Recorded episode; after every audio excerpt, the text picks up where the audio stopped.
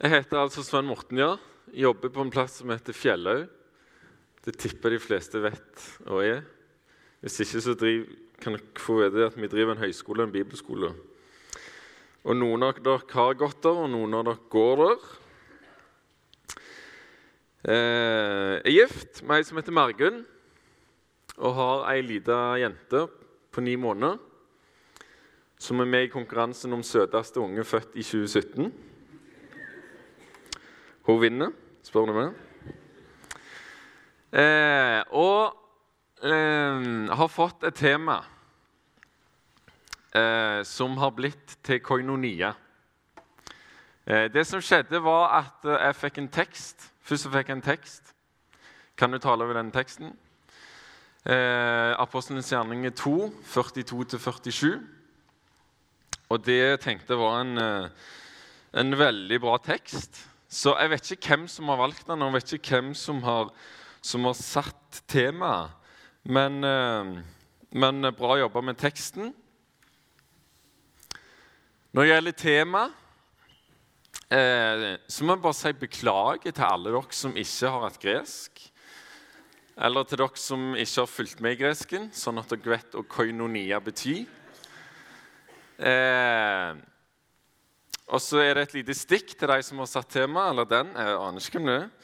Men eh, på, på Fjellhaug, der Knut Kåre underviser, underviser i gresk, der innprenter han hvert år studentene med at uh, ingen får lov til å gå opp på talerstolen og si eh, her betyr det greske ordet egentlig sånn og sånn, og dermed si at den norske oversettelsen egentlig ikke er så god, eller jeg vet mer enn den norske oversettelsen.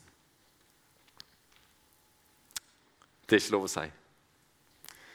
Koinonia og jeg, eh, Nå har ikke jeg spurt de som satte temaet, og er, eh, og er tankene bak koinonia. Det burde jeg kanskje gjort. Det burde jeg selvfølgelig gjort. Eh, men jeg tenkte ja, for teksten, og så henger vi ikke opp i noe mer. Eh, så det beklager jeg at jeg ikke har gjort det. Men, eh, men, hvis jeg skal tenke hva det var, så, så, regner jeg med at det er en sånn eh, For at vi ikke skal gå i den fella at fellesskap er å samles én kveld i uka og that's it. Eller å stå på ei medlemsliste. Det er ikke det som menes med, med fellesskap når det står koinonia. Det er noe mer enn det. Og det skal vi komme tilbake til. Men når det er sagt, så er fellesskap en ganske god oversettelse av det. Bare så det er sagt. Fellesskap.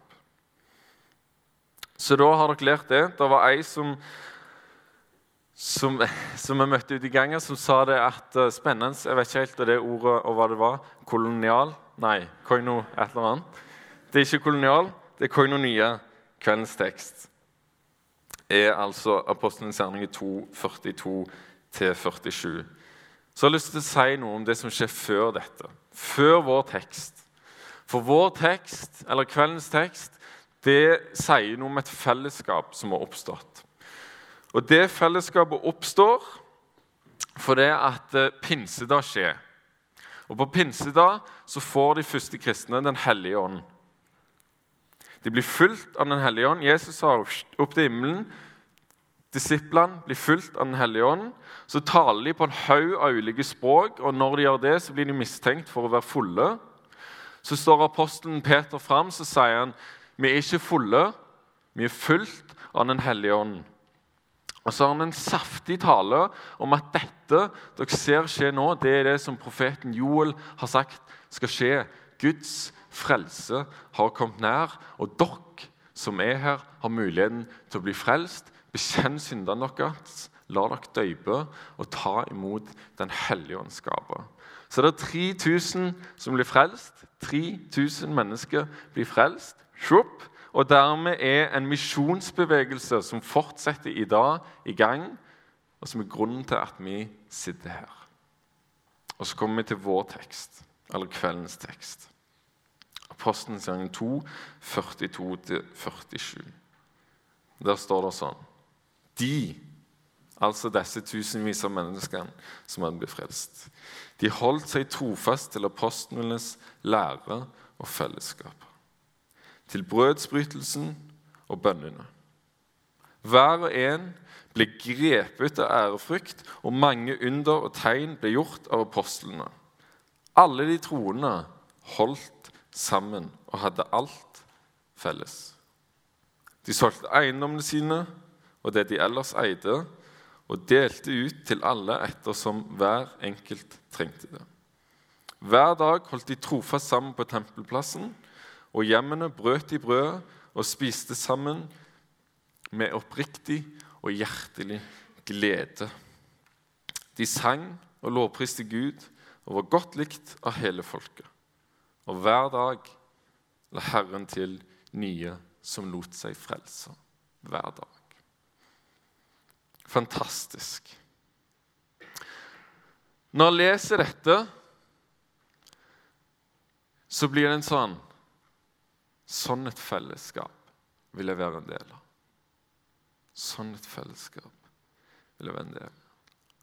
Dette er det som kan skje når Gud får berøre mennesket sitt hjerte og fylle dem med sin ånd og prege livet.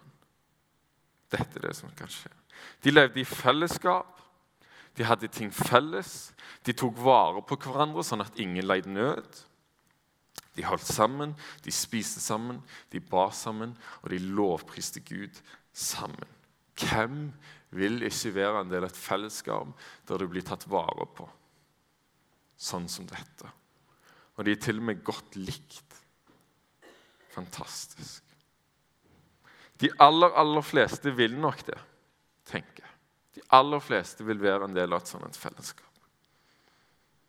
Så kan vi veldig lett tenke sånn burde alle kristne menigheter sett ut. Dette er det vi må tilbake til. Sånn var det meint at de kristne skulle leve. Sånn levde de første kristne. Det er dette vi må tilbake til. Og Den tanken den tanken har jeg tenkt mange ganger. Eh, og Den tanken har jeg lyst til å heie på og så lyst til å utfordre den. Og lyst til å utfordre den litt i kveld. For jeg tror vi skal be om det. Jeg tror vi skal be om at vi må bli mest mulig likt dette fellesskapet. At, eh, at vi må se ut sånn at de som står utenfor, eller som kommer inn og skal gå og fortelle noen andre om åssen var det Jo, de var sånn. De holdt sammen. Eh, de holdt sammen om apostlenes lærere. De spiste sammen, de delte ting. De tok vare på hverandre. Jeg tror vi skal be om at Gud må, må lede oss eh, som, som, som, fellesskap, som menighet, mer og mer. At vi kan bli prega og, og, bli omtalt sånn. Eh, og kanskje er det noen som gjør det. Kanskje det er noen som er innom i misjonssalen eller et småfellesskap i misjonssalen eller en de andre menighetene i Oslo. Eh, og så sier de De var litt sånn de, var så, de, var så, de, hadde ting så felles. De var så glad i hverandre. Kanskje skjer det av og til. På en god dag så tror jeg det. Jeg tror at noen kan komme ned i MUF, eh, og så treffer de på folk, og så blir de tatt godt imot og sier sånn åh, det var noe godt med det fellesskapet. Jeg tror absolutt at det skjer. Så er det kanskje noen som sitter her i kveld som tenker jeg vil være en del av dette fellesskapet hver dag. Jeg vil leve i et sånt fellesskap hver dag, der det er så godt å være. Hver dag. Det fellesskapet lengter etter. Det fellesskapet leter etter.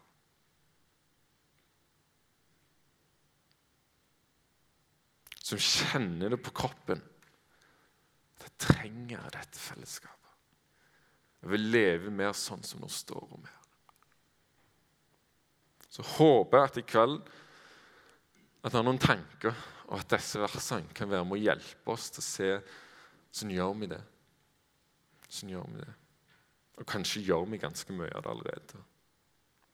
Men noe som skal til for at vi blir enda mer et sånt fellesskap. Så har jeg lyst til å utfordre den tanken. eh, om at det var sånn de første kristne levde alltid. Eh, den, skal, den, skal, heie fram, eller sånn, sånn dette er, Det er en idealtekst for et fellesskap, tenker jeg. Men jeg tror ikke det var sånn alltid. Og det er Min opplevelse av de kristne fellesskapene som, som jeg er en del av, eller har vært innom, er det at uh, det er jo ikke sånn hver dag. Um, av og til så, så istedenfor at det ser ut som eh, frelste, åndsfylte mennesker som er kjempeglade i hverandre, så ser vi ut som en stridig, vanskelig og eh, sta gjeng som slettes ikke ser så gode ut. Kom an på for en, for en dag det er. Det er min opplevelse av kristne fellesskapene.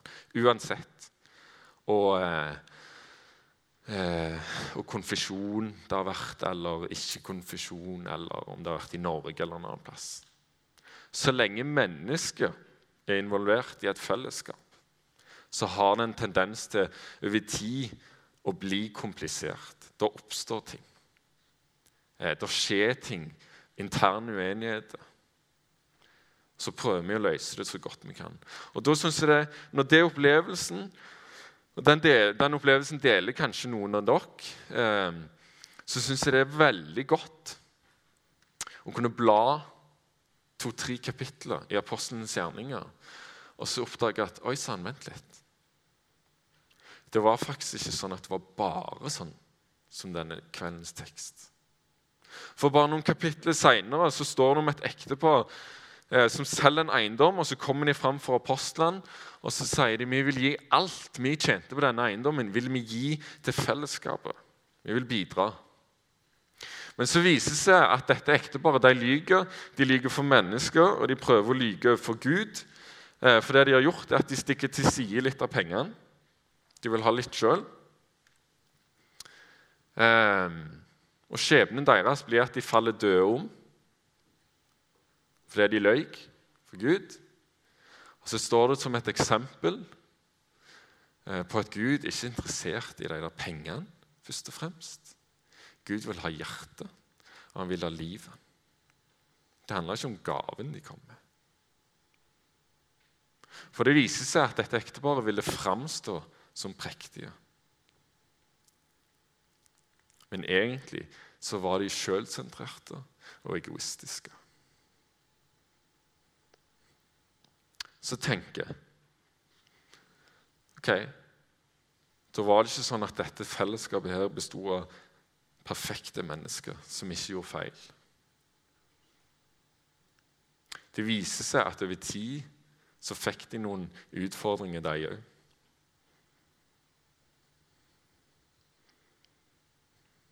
Det var en parentes.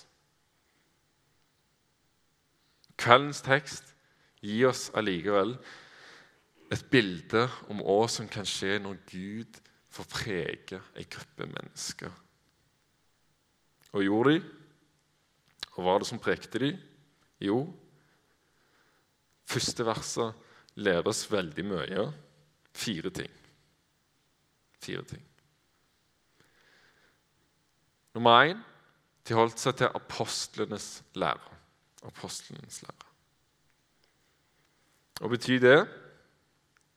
Vi kommer tilbake til det. Nummer to de holdt seg til fellesskapet, eller koinonia, om du vil. De holdt seg til brødsbrytelsen, og de holdt seg til bønnen, står det. Det er de fire tingene. Fire punkter. Hvis du ikke husker noe annet for i kveld, så kan du prøve å huske ett av de fire. Skal vi gå gjennom de. Apostlenes lære. Og lærte de, da? Lærte de. Sannsynligvis lærte de det Jesus hadde lært dem. Det vi finner i evangeliene. På denne tida så hadde de, de hadde ikke det vi kaller Det nye testamentet. De hadde Det gamle testamentet. Og så Ut ifra det så tar disse apostlene og så viser de eh, de jødene de treffer, at uh, At eh, Jesus han er den Messias, den frelseren, som vi venter på. Og som det fins en haug med gammeltestamentlige tekster eh, som omtaler, og som skal komme. Jesus er den som skulle komme. Han har kommet, og det er han som er frelser. Dette er veien til Gud. Han er oppfyllelsen av denne loven og profetene som vi omtaler som Det gamle testamentet. Det er apostelens ære. Jesus, veien til frelse. Han som har tatt vår synd og sont eh, vår straff. Sont for oss. Og Alt dette finner vi igjen i Det nye testamentet. Eh, men, men det hadde de altså ikke. Men de hadde apostlenes lære. Og Heldigvis så har vi Det nye testamentet. Eh, har tenkt på når jeg jobbet med den talen, at Det betyr at disse her første kristne de hadde ikke romerbrevet. For eksempel. og For noen av oss lutheranere så er det kanskje litt rart å tenke at du kunne bli frelst uten å ha lest romerbrevet. Hallo. Men sorry, folkens, det ser faktisk sånn ut. De holdt seg trofast til apostelens lære. Dette er noe av grunnen eh, til at vi av og til maser om Bibelens autoritet som høyest, eh, høyest autoritet for kristent liv og lære. Noen blir kanskje lei av det av og til. Hvorfor må vi hele veien snakke om Bibelens autoritet? Eller Bibelen som, som rettesnor for livet? Er det så viktig? Så er det sånn, Ja, det er viktig. Men det er ikke for at vi skal, det er ikke for at vi liksom skal ha, ha en bok å lene oss til for å lene oss til noe.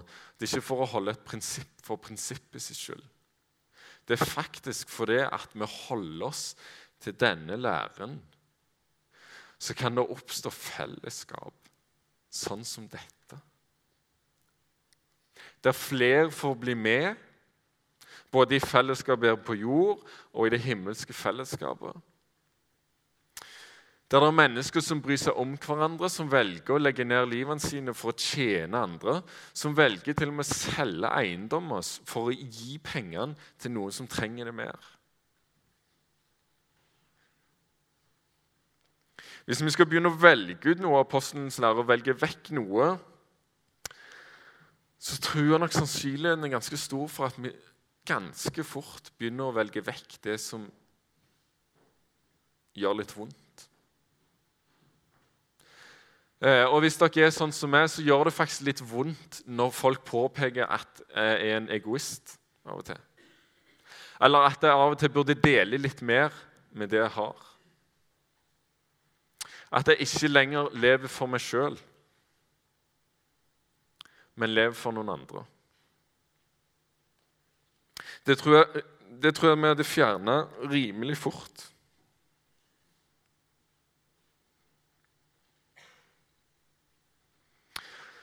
Så vi er kalt, sånn som de levde, til å være et fellesskap som holder seg til apostlenes lære. Ikke for prinsippets skyld. Men det er faktisk den beste veien å gå. Det er faktisk det beste å leve etter Guds ord.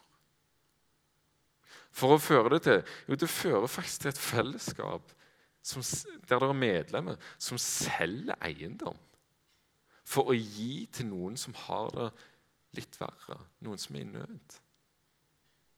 Det er det det fører til. Da er inne på den der fellesskapstanken som sikkert de som, som satte temaet, ønska at, at, skulle komme fram. Eh, dette fellesskapet er ikke en medlemsliste. Det er ikke nok. Du må gjerne ha en medlemsliste, men det er ikke det som er greia. Dette fellesskapet er faktisk eh, forpliktende til hverandre. Det er noe mer enn et, enn et, register. Det er noe mer enn å møte opp på MUF lørdag kveld. Fellesskapet er ikke begrensa til en kveld i uka. Ikke det som er tanken. Tanken er å dele livet sammen. Tanken er å ta vare på hverandre. Og Tanken er at vi skal bidra inn i dette. Så det er noe som holder sammen, noe eh, som gjør at vi velger å møtes her en lørdagskveld istedenfor å gjøre noe annet. Og det har ikke bare med at vi vil ha det gøy, eh, eller at det er koselig å komme sammen, men det har med at vi har ei tro, og vi har en Herre som binder oss sammen, og som gjør oss til et fellesskap. Hadde vi tatt vekk det, så hadde vi ikke trengt å være her. Tar du, vekk, tar du vekk Jesus som herre og frelser i, i denne ligninga her, eh, så er det helt meningsløst at vi er her. Dette fellesskapet forplikter. Og det er bra. Eh, det er veldig bra, faktisk. Selv om det ikke alltid trenger å føles sånn. For det kan faktisk være at, uh, at du noen ganger har mye å gi inn i fellesskapet.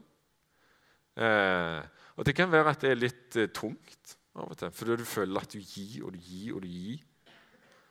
men så kan det være at det er perioder i livet ditt der du ikke har så mye å gi, og der du bare får lov å komme i dette fellesskapet. Kanskje lider du nød på en eller annen måte så er det et fellesskap som er forplikta til å være med og ta vare på det.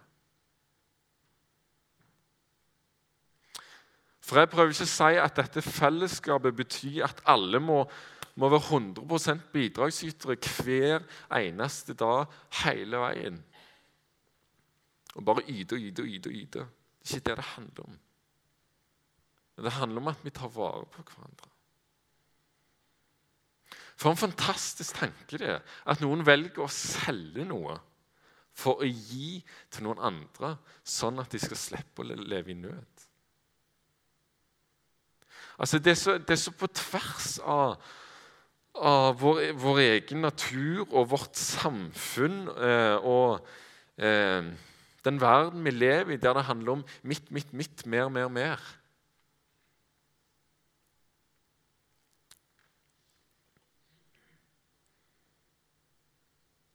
Dette er en kontinuerlig greie som bør prege hverdagen. Dette er ikke bare lørdagskveld.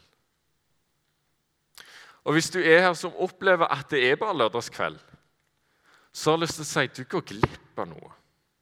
Du går virkelig glipp av noe. Hvis du tenker at det har bare har lyst til at det skal, det skal være lørdagskveld ferdig. så står ikke, Jeg har ikke lyst til å stå her med en pekefinger og være sånn Nei, du må forplikte deg mer. Jeg bare sier du går glipp av noe.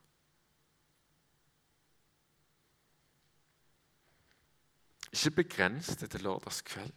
La det prege hverdagen.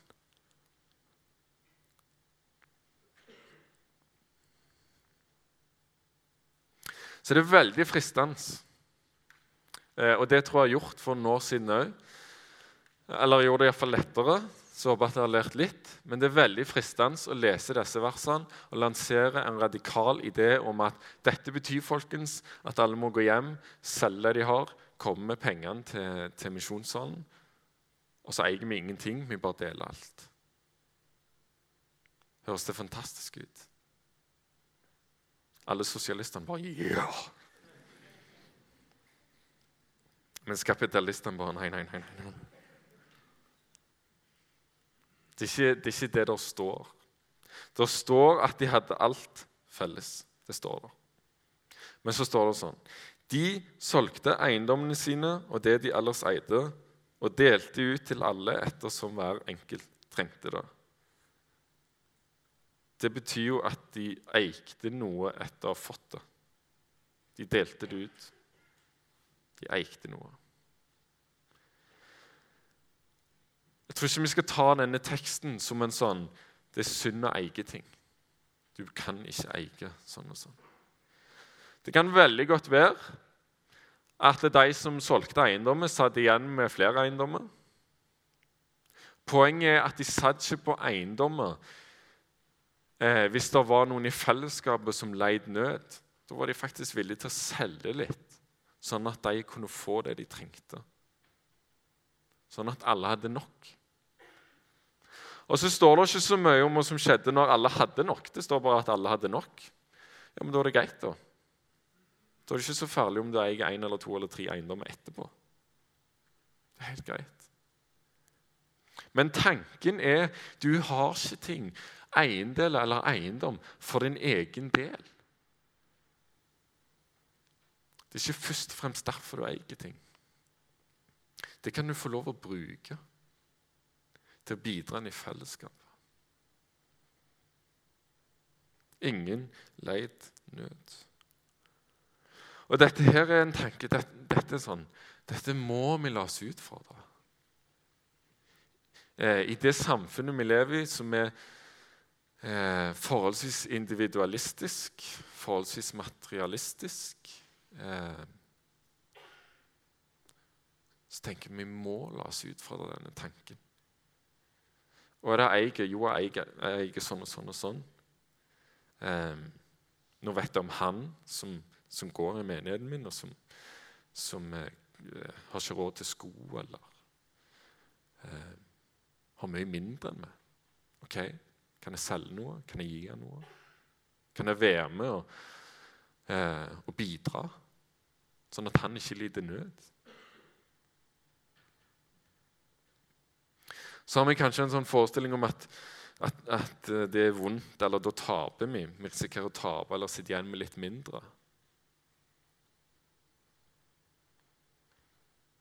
Men så viser det seg jo at de som gir mest av seg sjøl her i livet, de er ofte de som kan se tilbake på livet og tenke For et rikt liv har hatt. For et fantastisk rikt liv. Mens de som tenker sånn Henne kan jeg få mer. Eh, jeg vil ha mer, mer, mer. Kanskje ser tilbake på livet og tenker Hvorfor fikk jeg ikke mer? Hvorfor var jeg så fattig? Noen ganger, ganske ofte egentlig, så oppdager jeg eh, Og kanskje, kanskje det er bare noe Gud viser meg mer og mer de siste årene. At jeg tenker om menighet at det er til for, for å tjene meg. Eh, for å serve meg. De burde tatt litt mer hensyn til meg, sånn at jeg kan vokse i livet og trua. Det burde vært litt mer sånn som min musikksmak. Eller mitt kulturelle uttrykksmåte. Det burde vært litt mer sånn som jeg vil ha det. Og så utfordrer denne teksten meg enormt til å tenke motsatt. Til å tenke i den menigheten jeg er en del av. Og kan jeg gi? Og kan jeg bidra med? Hvordan kan jeg være med og gjøre at, eh, at noen blir tatt vare på i større grad? Eller får det bedre når vi samles? Så kan jeg være med på det. Så er det sånn Det er som et ekteskap eller et vennskap. Jo mer du gir inn, jo mer henter du sannsynligvis ut. De kjipeste eh, opplevelsene mine i vårt ekteskap det må jeg innse ganske ofte er jeg, hvis jeg sitter på gjerdet og tenker at nå burde Margunn ordne opp mellom oss. Margunn burde gjort noe, sånn at det blir greit mellom oss igjen. Det er en dårlig løsning. De gangene jeg klarer å tenke Sannsynligvis har jeg bidratt eller gjort et eller annet som gjør at det, nå er det kjipt mellom oss. Kanskje jeg skal være den som prøver å ta det første steget for at ting skal bli bedre igjen. Da har den en tendens, merkelig nok, til å løsne. Velger å gi, så løsner det ofte.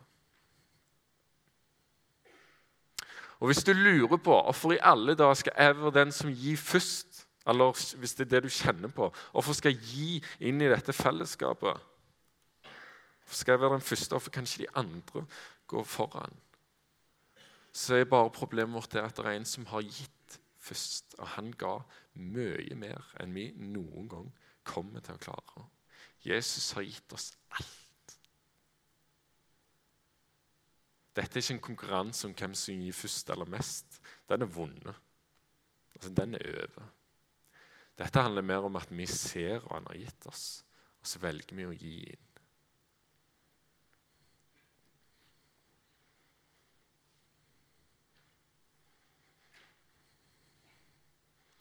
Den tredje tingen de var prega av, brødsbrytelsen.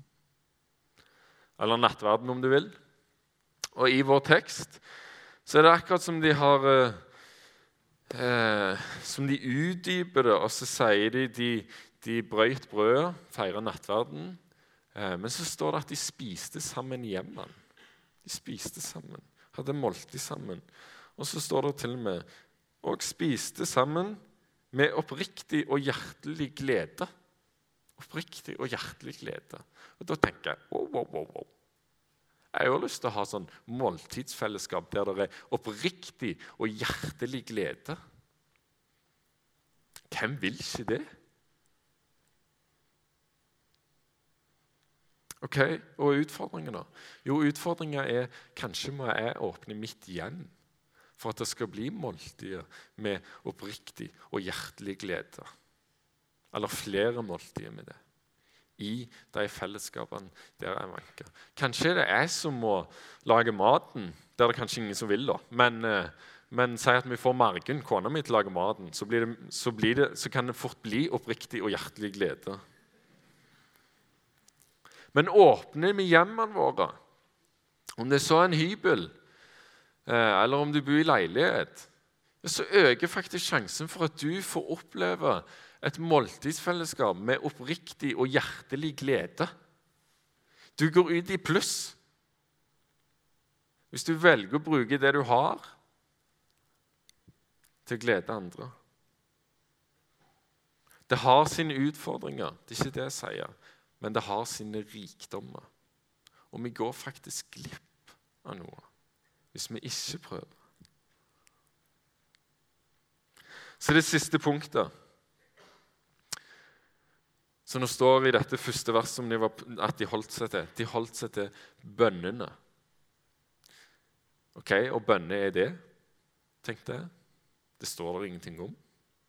Sannsynligvis så var det noen bønner eh, som de tok med seg fra å ha vært i et jødisk fellesskap, og så har de helt sikkert omformulert det litt, sånn at Jesus er med i det. Men poenget er de ba. De ba sammen. De var helt sikkert individuelt òg, men alt i denne teksten tyder på at de ba sammen. Så er det noen eh, som syns det å be høyt sammen med andre er noe av det mest utfordrende de kan gjøre her i livet. Og Da kjenner jeg sånn, da blir jeg provosert. Jeg blir ikke provosert på det som opplever det sånn. Jeg blir provosert på oss andre som har vært med og formulert eller sagt at bønner til Gud må være så og så fine eller være så og så velformulerte. Det er bare tull. Det har ingenting å si hvordan du formulerer dem.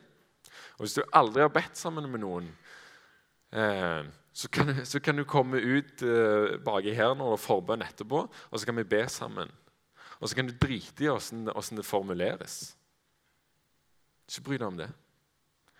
Eh, og Hvis du vil ha hjelp, så ber du Fader vår. Eller finne Salmenes bok og så be noe derifra. Så slipper du å tenke på hvordan det formuleres. Men vi skal be sammen. Vi skal be sammen.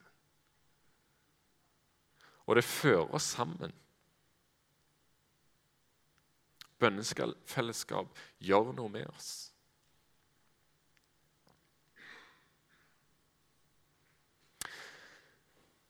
Det er de fire punktene det står at dette fellesskapet holdt seg til.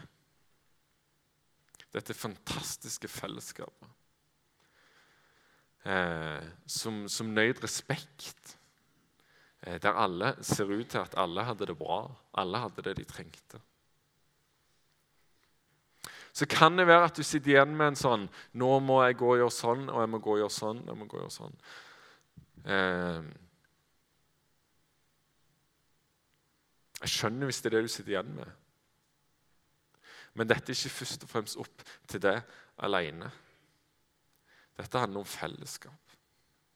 Og ikke tro at vi klarer dette uten Gud, uten at Gud gjør noe med hjertene våre og får lov til å forme det. Dette handler om at vi, at vi kommer sammen og hjelper hverandre til å, å åpne opp, sånn at Gud får, får lov til å forme hjertene våre. Eh, det handler om at hvis du har en kompis som er i, i, i de kristne fellesskap, og så ser du at han, han, lever, jo, han lever jo helt eh, han lever som om han ikke tror på Gud. Så det handler om at istedenfor at du går baksnakker han, så går du til han. Eh, kanskje tar du med deg noen og så sier du, du, hva er det som skjer i livet ditt. Jeg er bekymra for det. Som skjer i livet ditt? Kanskje kan du til og med si du, kanskje du kommer på middag på torsdag. La oss spise sammen. La oss snakke om livet. Praktisk, enkelt og konkret. Det fikk dere helt gratis, det tipset. Vi er nødt til å la Gud prege oss. Og la Guds ord få prege oss. La Hans Hellige Ånd få ta større plass i oss. Hvis dette skal skje i større og større og større grad. Det er helt umulig uten overbevist om.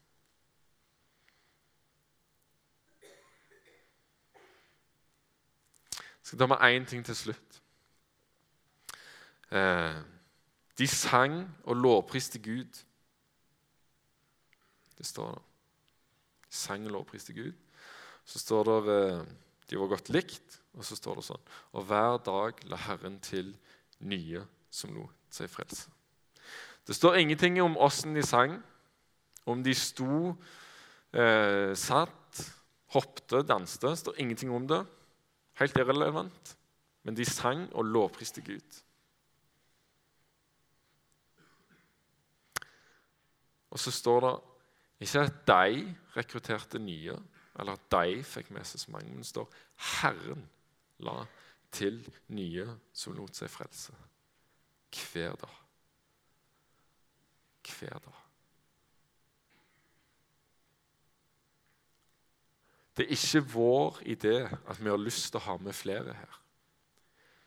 Eh, det er ikke vi som sitter her som har et størst ønske om det.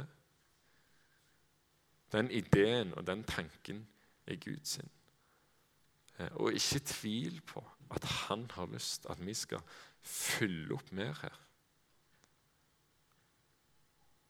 Det ligger mye mer på Guds hjerte enn på vårt. Og Jo mer vi lar han få prege oss, jo viktigere kan det bli for oss. Så prøv. Be sammen om det. Eh, la oss invitere hverandre på middag. La oss eh, be sammen på den middagen. Eh, inviter noen som du kanskje tenker de sliter faktisk litt økonomisk. Jeg har lyst til å ha dem på middag. Gi dem en skikkelig god opplevelse. Det å leve ut det kristne fellesskapet. Koinonia. Vi er forplikta på hverandre. Vi har noe felles. Noe som er større enn oss sjøl, og som vi lever for. Kjære Gud, takk for at du eh, kan skape sånne fellesskap. Takk for at dette skjedde i Jerusalem. Eh, takk for at eh, at dette fortsatt er på ditt hjerte, at det skjer i dag. Så jeg har lyst til å be om, om at du må være med oss og hjelpe oss til å stille oss til rådighet for sånn som du vil, vil forme oss og bruke oss. Eh, sånn at vi oftere og oftere kan bli omtalt som et fellesskap som, eh, som, som deler deler det vi har, som tar vare på hverandre. Eh, og Der det er helt naturlig at, at det nye kommer til. Takk for at det, Gud, at det er du som er i sentrum av fellesskapet, og ikke oss sjøl. Lær oss hvordan vi lever etter det. Ikke bare lørdagskveld, men hver dag. I ditt navn.